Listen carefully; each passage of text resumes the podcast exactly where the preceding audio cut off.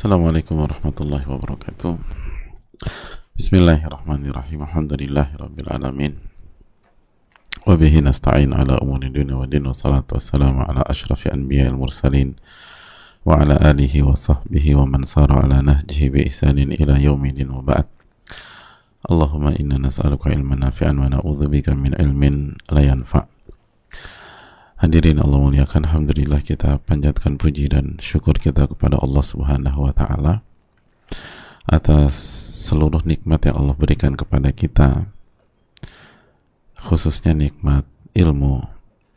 Dan kita harus perjuangkan agar ilmu ini menjadi ilmu nafi. Karena Al-Imam Asyafi rahimahullah ta'ala mengatakan Al-ilmu manafa' wa laysa ilmu itu yang bermanfaat bukan hanya sebatas dihafal tanpa meremehkan hafalan. Tapi harus bermanfaat. Dan ilmu nafi itulah yang akan membuat kita bahagia di dunia maupun di akhirat. Ilmu nafi itulah yang akan membuat kita bisa tersenyum di tengah puing-puing musibah Kenapa? Karena Allah akan turunkan ketenangan. Nazalat alaihim sakinah. Allah akan turunkan keterangan. Ketenangan itu turun. Wasyathumur rahmah. Dan dia akan diliputi dengan rahmat Allah subhanahu wa ta'ala. Jadi gimana nggak tenang sedangkan Allah yang kasih ketenangan.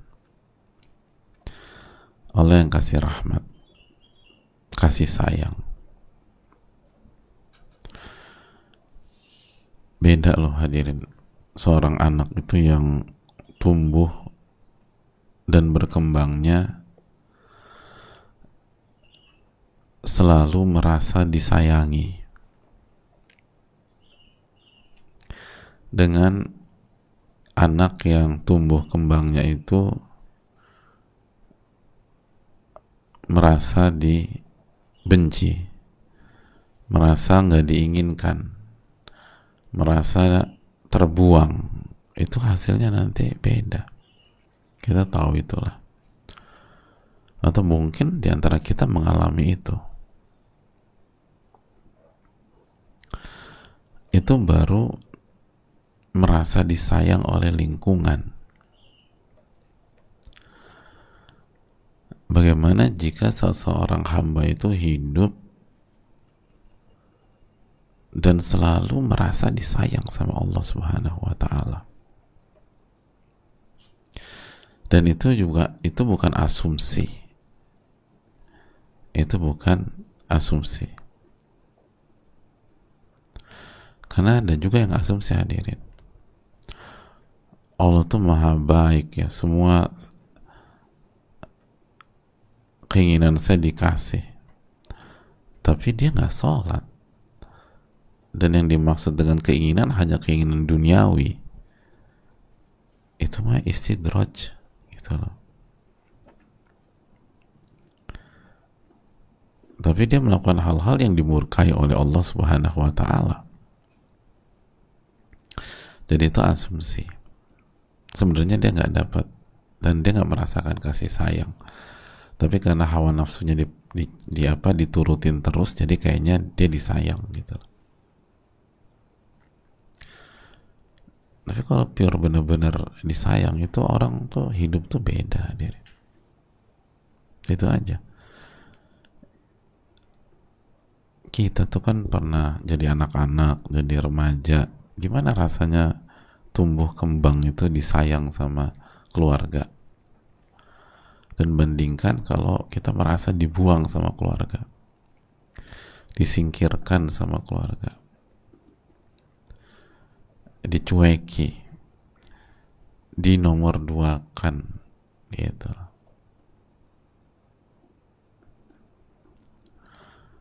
Gitu hadirin. Pernah merasa jealous sama orang tua terus kita katakan kenapa aku terus yang disalahkan nah itu.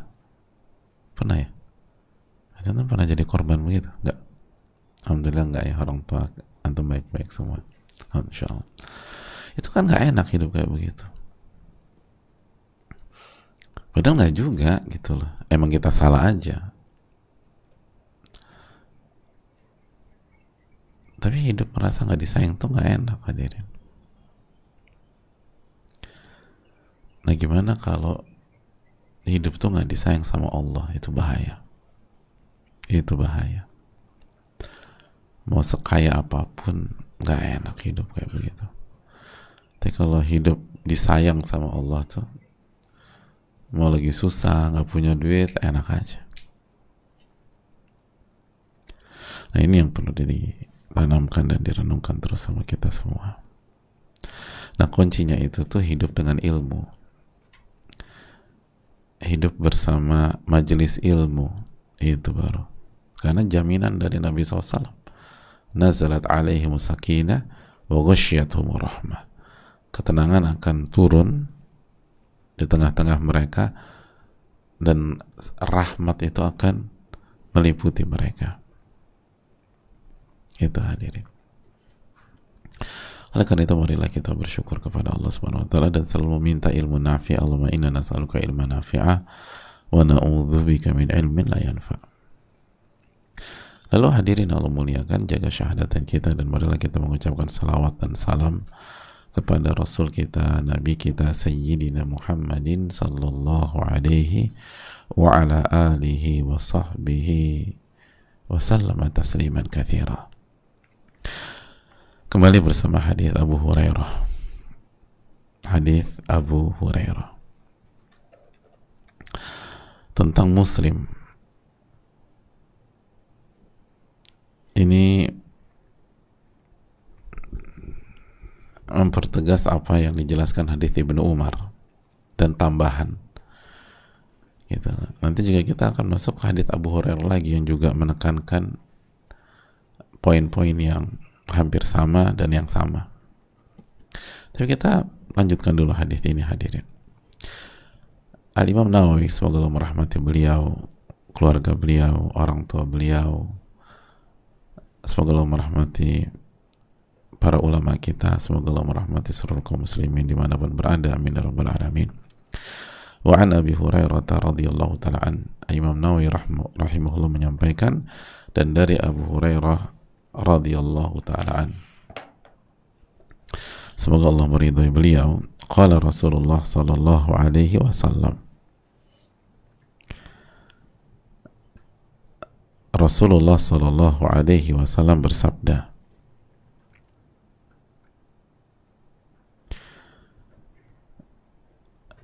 Al-Muslim akhul Muslim. Muslim itu saudara Muslim yang lain. La yakhunuhu wa la yakdhibuhu wa la yakhdhuluhu. Ia tidak mengkhianati saudaranya. Ia tidak membohongi saudaranya. Dan ia tidak biarkan saudaranya jadi hadirin Allah muliakan dia tidak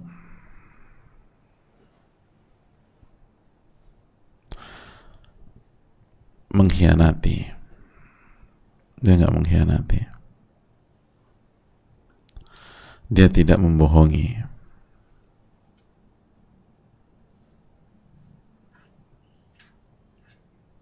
Dan dia tidak membiarkan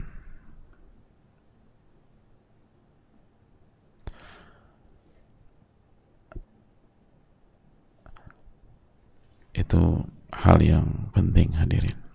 Dan kita sedang membahas kemarin tentang khianat. Tentang khianat. Jangan khianati orang lain.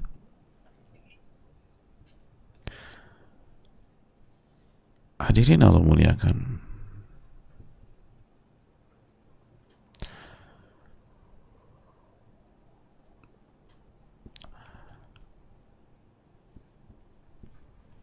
kita kemarin sudah jelaskan bahwa khianat ini apa kemarin khianat? Apa khianat hadirin? Kata al-imam atau kata para ulama kita kata Imam Al-Munawi khianat itu tafrid fil amanah. Lalai dalam menunaikan amanah. Itu kata Imam Al-Munawi itu juga dijelaskan Al-Imam Ibnul Jauzi. Kata beliau at-tafrid fi ma yu'tamanul insanu alaih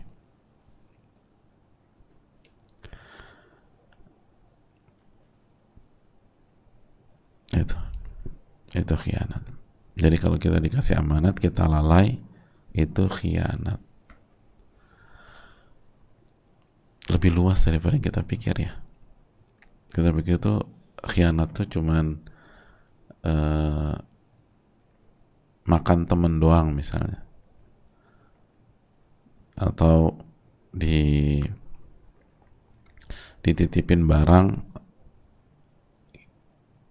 diambil dirusak dipakai nggak bertanggung jawab gitu kan. Terus apa lagi?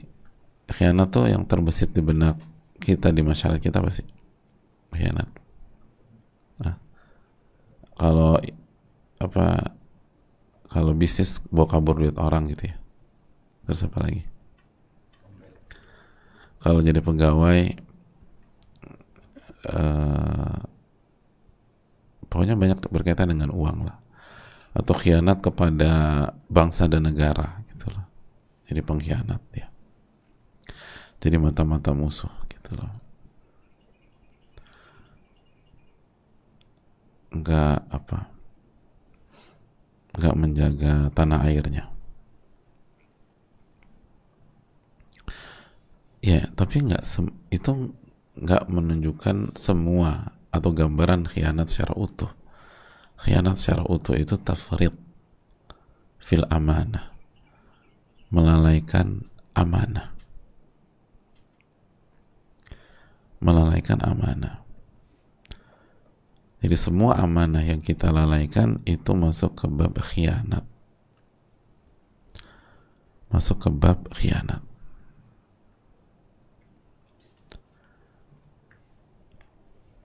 Serem ya hadirin ya? Itu. Jadi apa pun amanat itu makanya. Istri itu amanat. Kita kalau nggak menunaikan hak istri kita berkhianat sama walinya sama orang tuanya kalau orang tuanya yang menyerahkan kepada kita. Sama istri kita juga gitu. Kita nggak didik istri kita nih khianat kita nanti khawatir. Tenang aja aku udah kasih apa uang belanja yang banyak Ustaz iya bagus. Kasih uang belanja yang banyak kalau mampu ya bagus. Tapi kan hak istri bukan hanya uang belanja bahkan ada yang lebih besar lagi yaitu dididik dan dijaga dari api neraka. Ku anfusakum wa ahlikum nara.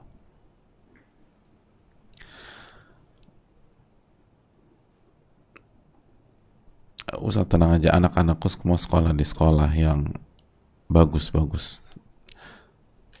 Dan uh, biayanya nggak murah. Alhamdulillah kalau mampu.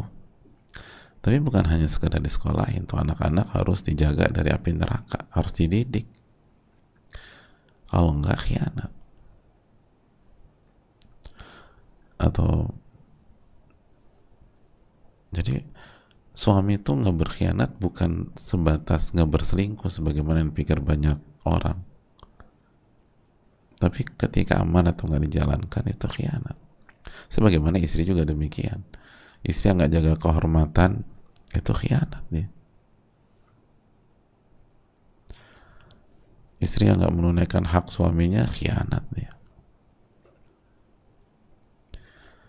Nah ini juga penting. Kadang-kadang banyak istri yang lebih dulu ngaji lupa gitu loh. Harusnya kan semakin dalam belajar agama semakin ngaji semakin nurut sama suami selama nggak maksiat.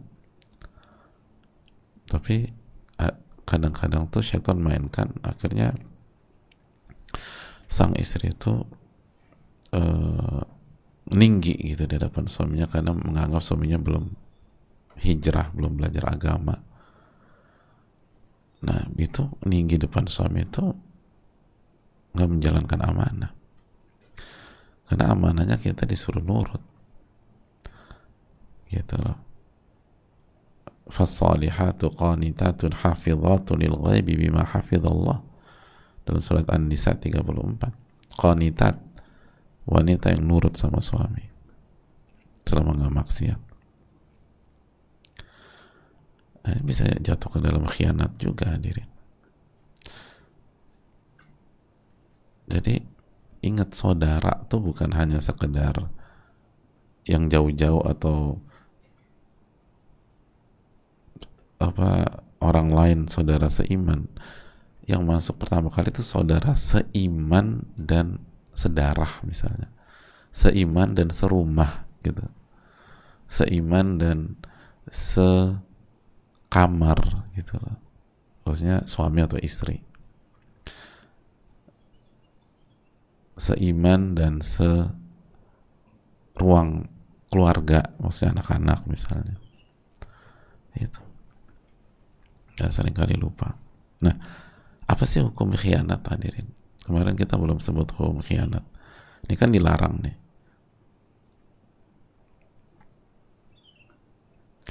Kata Imam Az-Zahabi kata Imam Az-Zahabi Imam Az-Zahabi salah satu ulama dalam madhab syafi'iyah al khianah min kaba min al kabair khianat itu di antara dosa-dosa besar.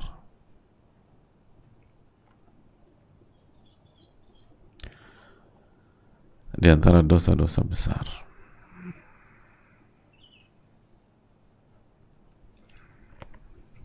Dosa besar ternyata hadirin. Al-Imam Ibn Hajar pun menekankan annal khiyanata fil amanati wal wadi'ati wal aini al marhunah wal mustajara atau ghairi dzalika minal kabair. Uh, khianat dalam berbagai macam amanat atau sim, wadiah simpanan jaminan atau sesuatu yang disewa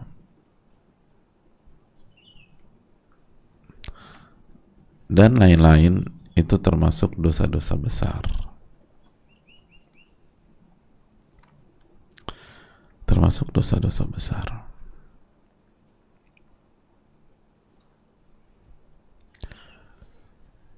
Gitu hadirin.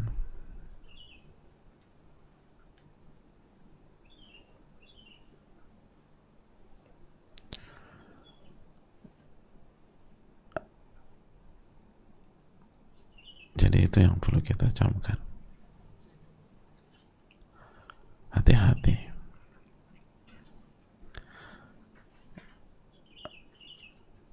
makanya para ulama dulu kan takut sekali kalau dikasih amanat kalau sekarang mah kayak tenang aja gitu ya kalau bisa bertanggung jawab silahkan tapi hati-hati lah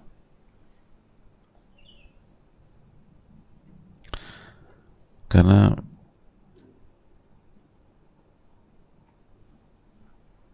hadirin Allah muliakan.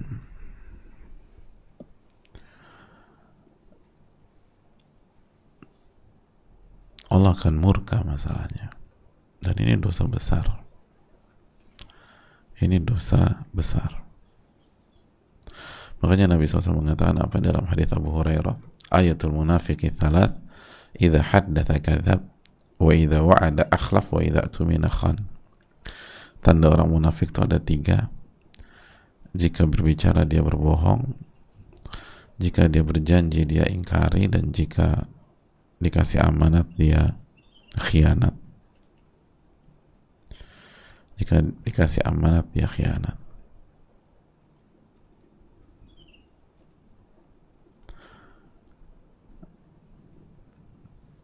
Itu yang perlu kita tanamkan dan perlu kita renungkan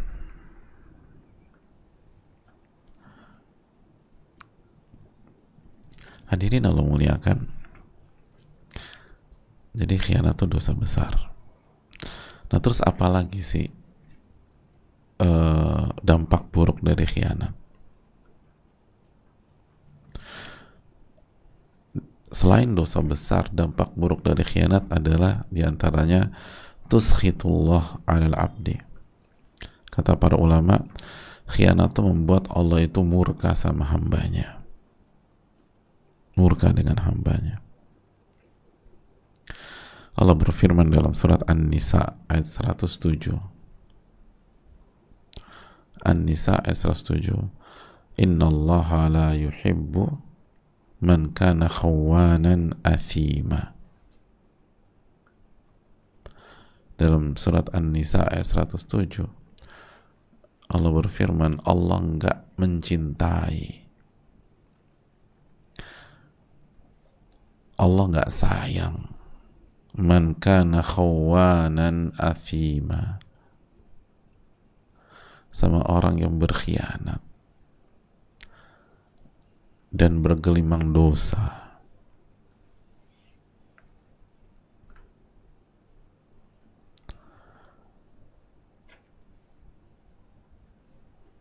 Allah gak sayang hadir Allah murka.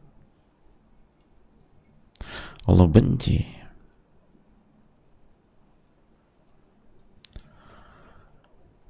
Semua orang-orang yang suka berkhianat Allah nggak suka. Itu hadir.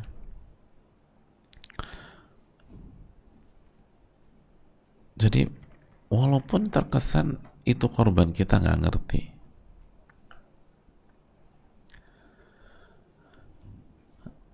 atau kayaknya fine fine aja atau nggak bisa berbuat apa-apa atau kita bisa lolos dari jeratannya karena kita bisa bersembunyi, kita bisa memanipulasi, tapi Allah tidak.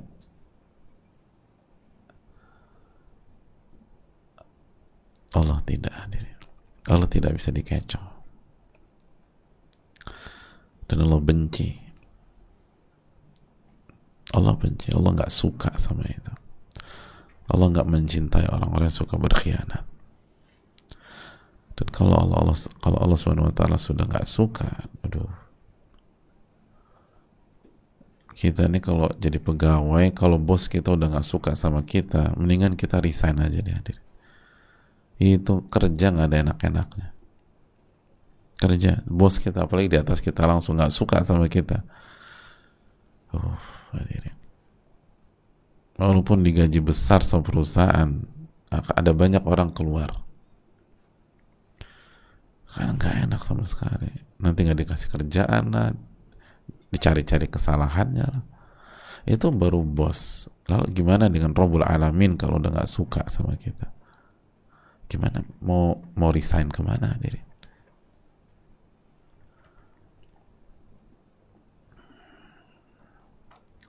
itu yang perlu kita tanamkan. Makanya kata para ulama bahayanya adalah itu. Allah nggak cinta Allah nggak suka. Pelajaran yang berikutnya atau mudarat amanat yang berikutnya kata para ulama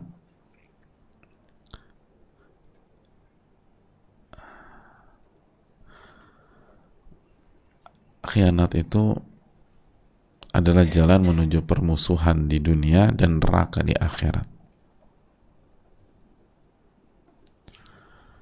Jadi itu jalan menuju permusuhan di dunia dan neraka di akhirat.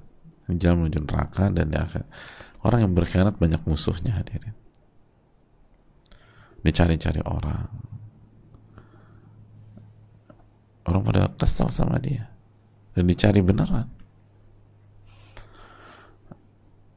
Ada yang mau digebukin sama ada yang mau di ini ada yang mau dibunuh hadirin. Udah berkhianat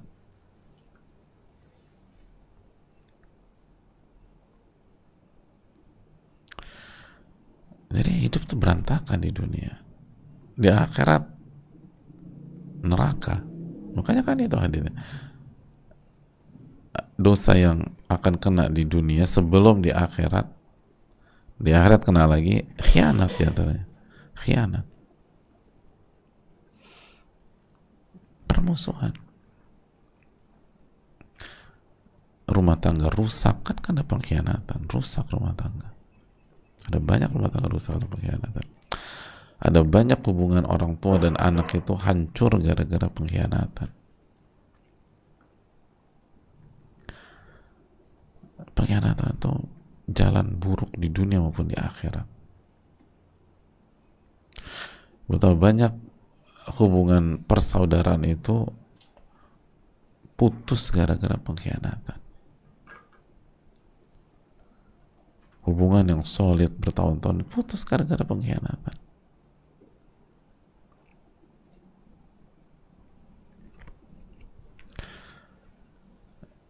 itu hal yang fatal hadirin sekalian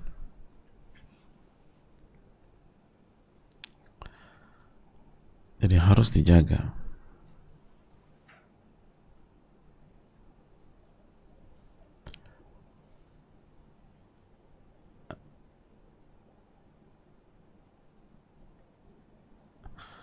Hadirin Allah muliakan.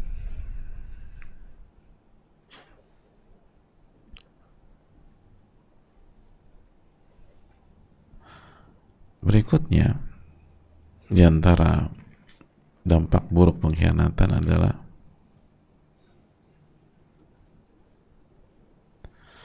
kata para ulama aswa'u ma yubtinul insan itu rahasia terburuknya seorang manusia. Jadi setiap kita punya rahasia. Yang paling buruk itu kalau kita merahasiakan pengkhianatan kita itu buruk kata para ulama.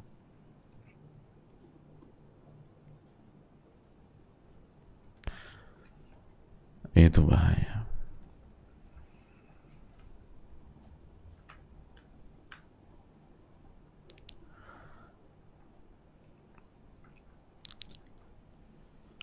kadang kan pengkhianatan kan ditutupi gitu main belakang gitu itu yang paling buruk berkhianat karena itu tanda orang munafik.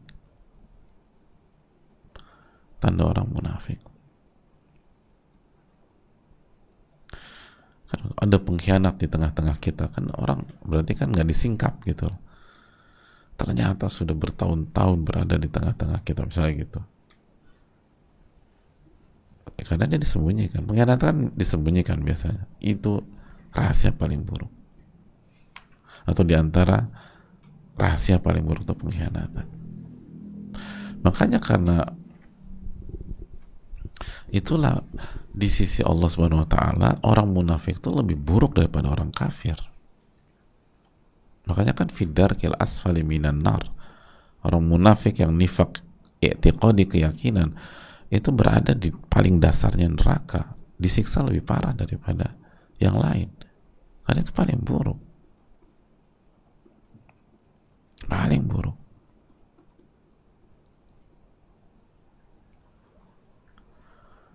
Paling buruk. Itu pengkhianatan.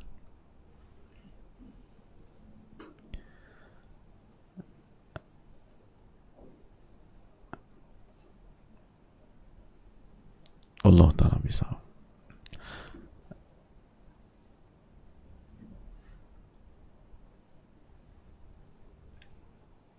itu poin. Lalu oleh karena itu jaga diri kita dari pengkhianatan. Lalu yang berikutnya kita lanjutkan hadirin memuliakan wala yakdzibu dan dia tidak membohongi saudaranya. Dia nggak bohong ya saudara. Dan masalah bohong sudah kita bahas. Alhamdulillah. Uh, sebatas uh, penekanan sekali lagi sekali bohong itu dosa besar dan bohong salah satu dosa yang akan dibalas di dunia sebelum di akhirat sebagaimana sabda Nabi SAW dan kita sudah bahas juga jadi pengkhianatan, kebohongan itu akan dibalas, dihukum di dunia sebelum di akhirat. Dan bohong adalah ciri munafik sebagaimana pengkhianatan adalah ciri kemunafikan.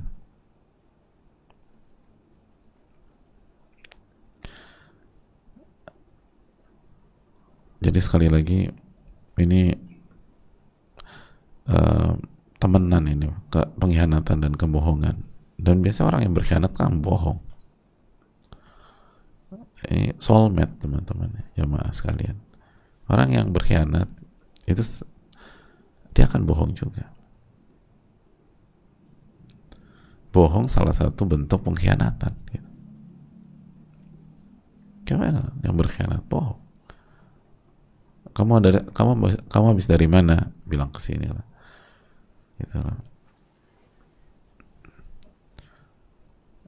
mas kamu dari mana bilangnya rapat lah padahal berkhianat atau anak-anak gitu loh dikasih amanat sekolah dikabur ditanya gimana pelajaran matematika tadi? Biasa mah nggak ada yang spesial. Ya iyalah nggak ada yang spesial dia nggak masuk. Jadi orang yang berkhianat akan bohong. Jadi hadirin Allah muliakan.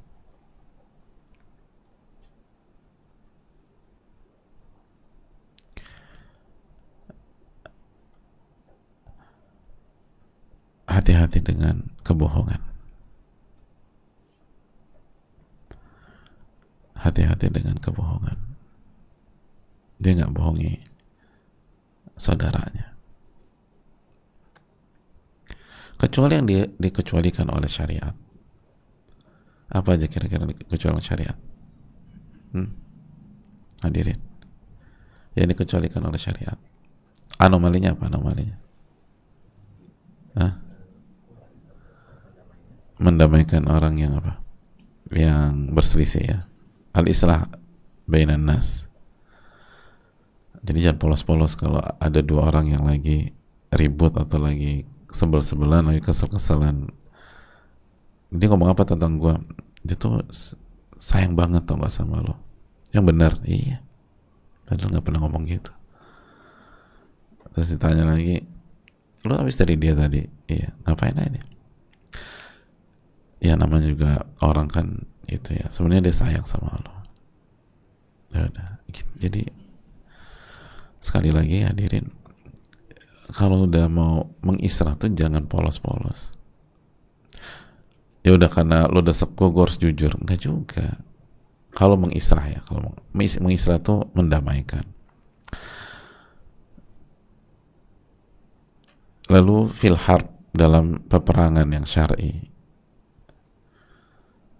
peperangan kok boleh yang melukai aja boleh apalagi ini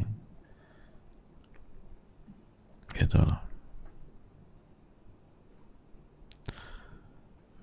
Jadi itu poin. Lalu yang ketiga, wa fi hadithil rajul imra'atah wa hadithiha iya. Kalau suami bicara ke istri atau istri bicara ke suami. Namun yang perlu kita ingat maksudnya adalah bohong yang membuat uh, atau yang menumbuhkan rasa cinta. Bohong yang menumbuhkan rasa cinta. Bukan bohong secara mutlak nggak boleh. Gitu loh. Contohnya banyak misalnya makanan istri nggak enak. Gitu loh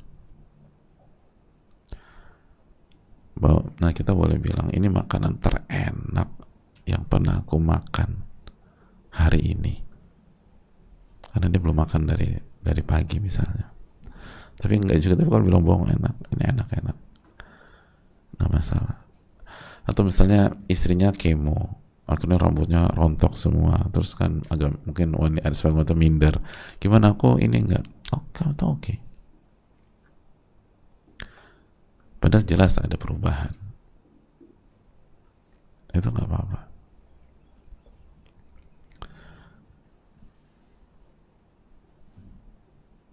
Itu itu maksud berbohong.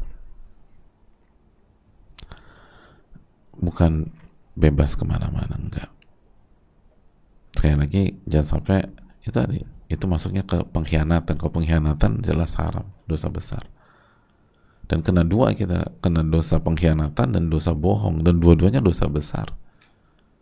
Dosa pengkhianatan dan dosa bohong.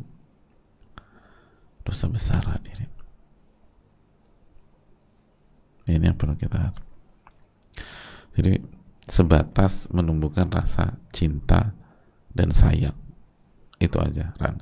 Nggak nggak meluas ke yang lain dan yang ini nggak berkaitan dengan pengkhianatan suami atau pengkhianatan pengkhianatan istri Adapun pengkhianatan lalu dia bohong sama pasangannya dosanya dua dosa pengkhianatan dan dosa bohong dan satu dosa itu aja udah dosa besar apalagi dua dan dua-dua dosa besar ini akan dibalas di dunia sebelum di akhirat.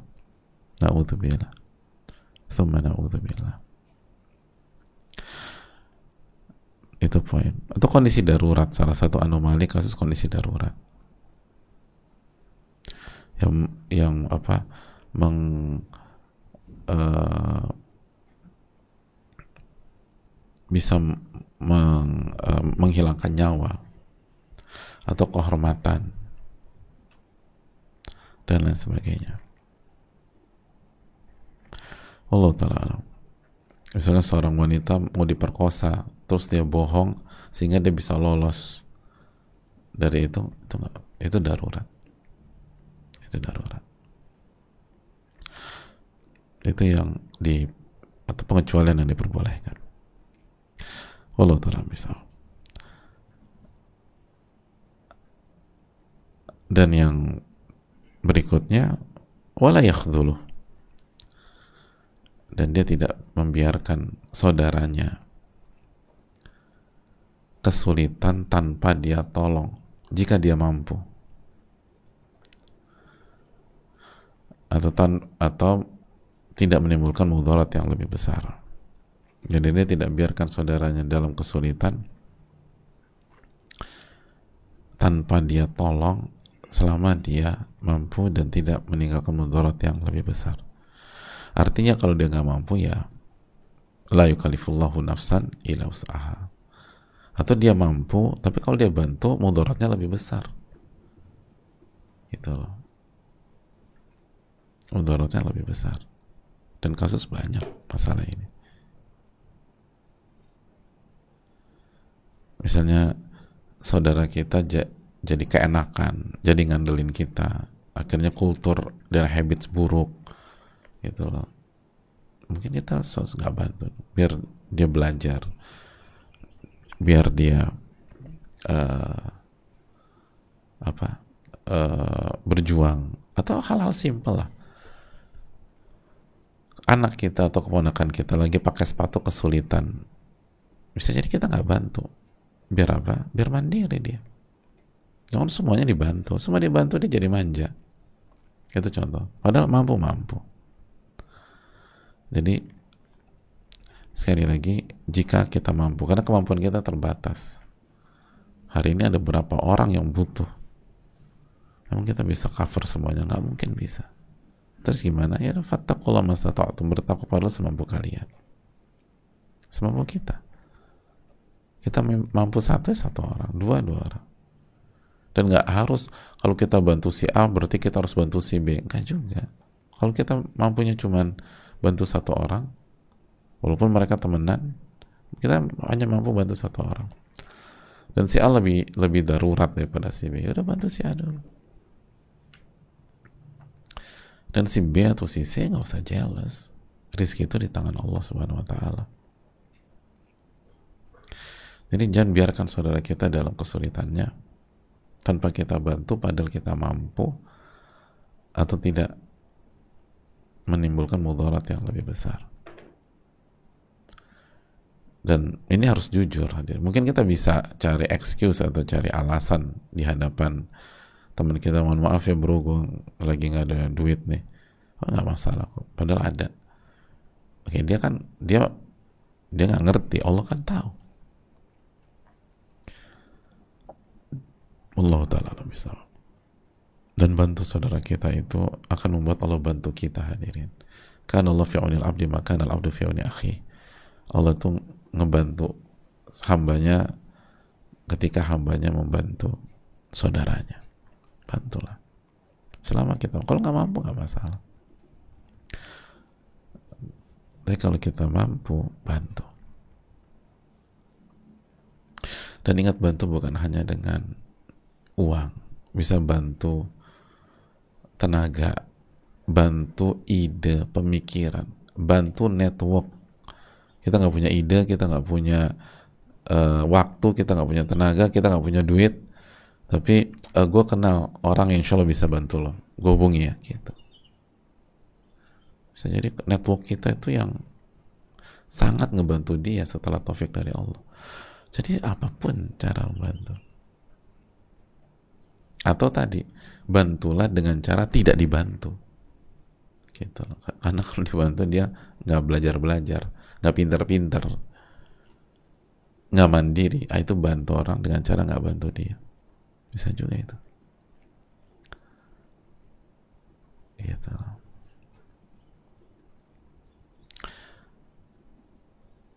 Itu poin. Ada orang begitu hadirin. Apa yang bisa saya bantu? Bantu saya dengan tidak bantu saya. Alhamdulillah ada Allah lalu saya tahu apa yang harus saya saya udah tahu ilmunya ya, dan saya mau coba sendiri. Kalau nggak saya nggak pinter-pinter kalau kamu bantu terus saya nggak pinter-pinter nanti. Ada orang begitu. Tapi saya rasa cukup sampai di sini. Jazakallah khairan. Semoga bermanfaat. Semoga Allah kasih taufik. Dan hari ini hari Jumat hadirin hari yang spesial. Maksimalkan hari ini dengan ibadah hari yang paling banyak amalannya. Sebagaimana amalan rutin kita ditambah ada sholat Jumat ada baca kafi perbanyak salawat kepada Nabi Shallallahu Alaihi Wasallam. Doa nanti sore perbanyak zikir. Semoga Allah kasih taufik kepada kita pada hari ini. Rabbana taqabbal minna سبحانك اللهم وبحمدك أشهد أن لا إله إلا أنت أستغفرك وأتوب إليك. السلام عليكم ورحمة الله وبركاته.